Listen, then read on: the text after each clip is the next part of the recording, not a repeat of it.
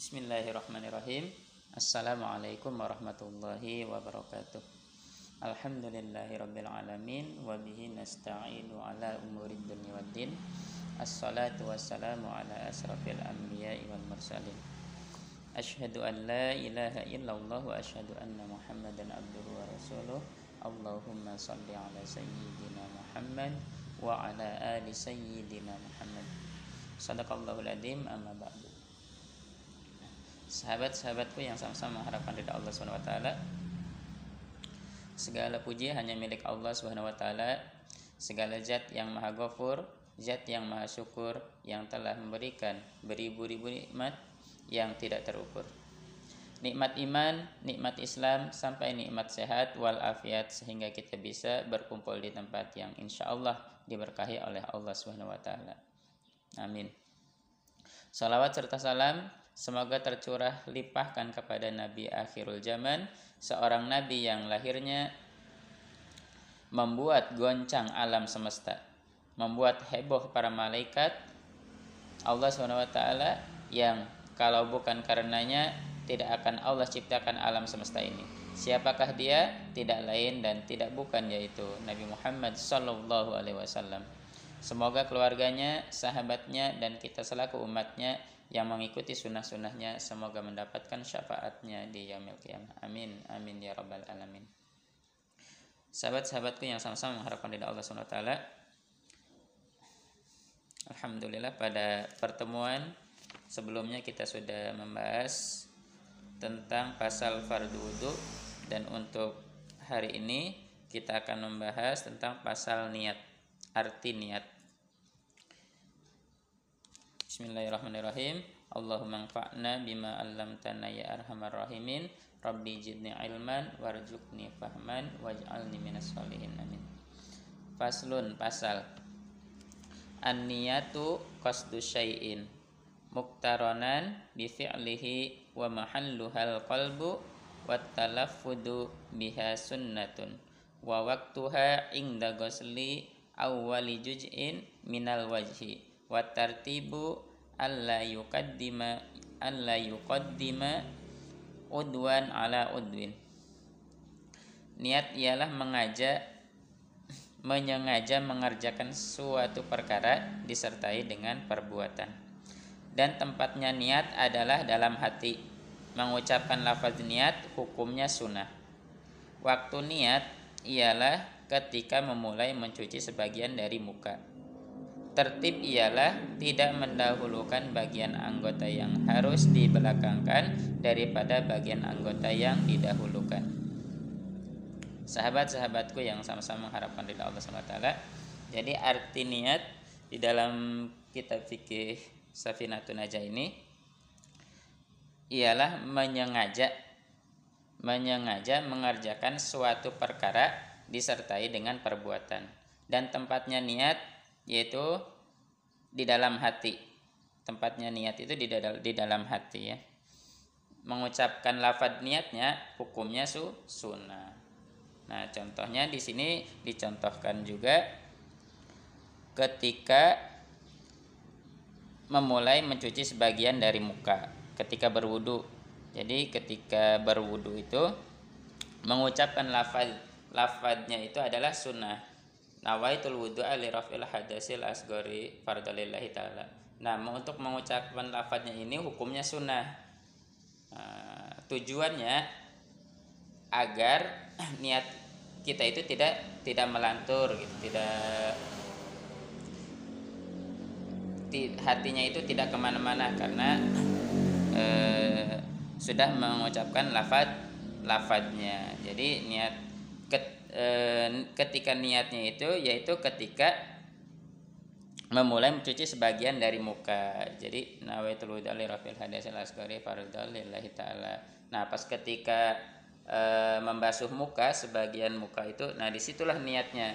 Niat saya berwudu karena menghilangkan hadas kecil fardu karena Allah taala. Nah, di situ di situ cukup di situ. Itu arti niat. Dan di dalam sholat fardu niat yang wajib dihadirkan dalam sholat fardu itu ada tiga. Yang pertama bermaksud. bermaksud apa bermaksud? Sholat. Bermaksud mau sholat. Yang kedua ditentukan sholatnya. Jadi kita itu mau sholat apa gitu. Dan yang ketiga meyakini kefarduannya. Nah itu. Jadi ketika contohnya kita, ketika kita mau sholat e, zuhur e, usolli fardhu duhri arba rakaat mustaqbil kiblati adzan mamanillahi taala. Nah untuk lafadznya itu hukumnya sunnah. Sunnah agar kita eh, niat di dalam hatinya itu tidak tidak acak-acakan gitu tidak ke mana-mana. Jadi fokus kita itu mau sholat. Nah yang wajibnya itu cuma tiga tadi. Yang yang wajib diucapkan di dalam hatinya itu. Cuma tiga. Ya, yang pertama bermaksud aku niat yang keduanya ditentukan sholatnya sholat apa misalkan sholat zuhur ya berarti sholat zuhur. Ke yang ketiganya meyakini kefarduannya misalkan Allahu Akbar. Ta, di dalam di dalam takbiratul ihram itu di situ niat niat di dalam hatinya. Cukup tiga tadi. Pertama aku sholat terusan ditentukan sholatnya misalkan aku sholat zuhur fardu karena Allah Taala. Cukup. Itu udah sah. Itu sudah sudah sah. Jadi yang wajibnya itu yang wajib dihadirkan di dalam hatinya itu cuma tiga. Tiga itu ya kalau untuk sholat fardu. Nah kalau untuk sholat sunnah cuman dua. Kan ada eh, ada sholat sunnah rawatib dan ada juga sholat sunnah mutlak. Nah kalau untuk sholat sunnah rawatib ini kayak contoh qobliyah ba'diyah seperti itu itu eh, yang dihadirkan di dalam hatinya itu cukup dua. Yang pertama bermaksud aku e, sholat bermaksud sholat yang keduanya ditentukan sholatnya sholat apa. Itu sholat sunnah rawatib. Kalau sholat sunnah mutlak itu lebih mudah cuman satu. Jadi hanya bermaksud saja bermaksud kita itu sholat Allahu Akbar. Itu ya. Jadi itu eh, tiga yang niat yang wajib dihadirkan dalam sholat fardu ada tiga. Yang pertama bermaksud sholat. Yang kedua ditentukan sholatnya sholat apa. Dan yang ketiganya meyakini kefarduannya. Tuh. tartib. Nah kemarin juga sudah dibahas tartib tartib itu adalah mendahulukan yang yang harus didahulukan dan mengakhirkan sesuatu yang harus diakhirkan. Jadi tidak boleh eh, beracak-acakan. Jadi harus berurutan. Kayak kemarin niat e, fardu wudhu ada enam ya fardu wudhu yang kemarin ada enam. Yang pertama niat yang kedua mencuci muka yang ketiga mencuci kedua tangan sampai dengan kedua sikunya yang keempat menyapu sebagian kepala yang kelima mencuci kedua kaki sampai dengan mata kaki. Yang keenam tartib berurutan. Nah itu tartib harus berurutan. Mendahulukan tujuan membelakangkan pekerjaan namanya azam sebagaimana firman Allah Subhanahu wa taala minasyaitonirrajim wa in ajamut talaqa fa innallaha samiun alim. Bila kamu berazam berketetapan hati untuk menalak maka sesungguhnya Allah Maha mendengar lagi Maha mengetahui Quran surat Al-Baqarah ayat 227